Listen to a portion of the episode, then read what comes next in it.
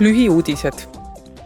Egiptuses on käimas ÜRO COP kakskümmend seitse kliimakonverents. samal ajal leppisid Euroopa Parlament ja Nõukogu kokku liikmesriikide kasvuhoonegaaside heitkoguste rangemas reguleerimises.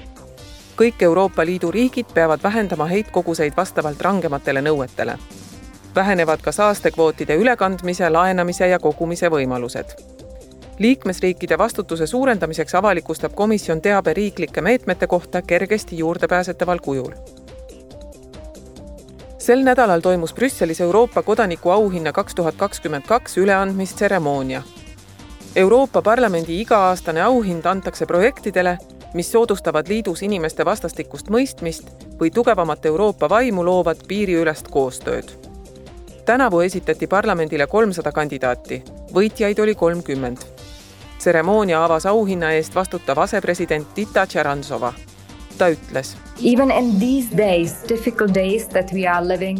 isegi nendel rasketel aegadel, mis praegu Euroopas on, hoolimata Ukraina sõjast, energiamurest ja paljusid eurooplasi mõjutavast majanduskriisist, on Euroopa kodanikud endiselt oma väärtuste kaitsel.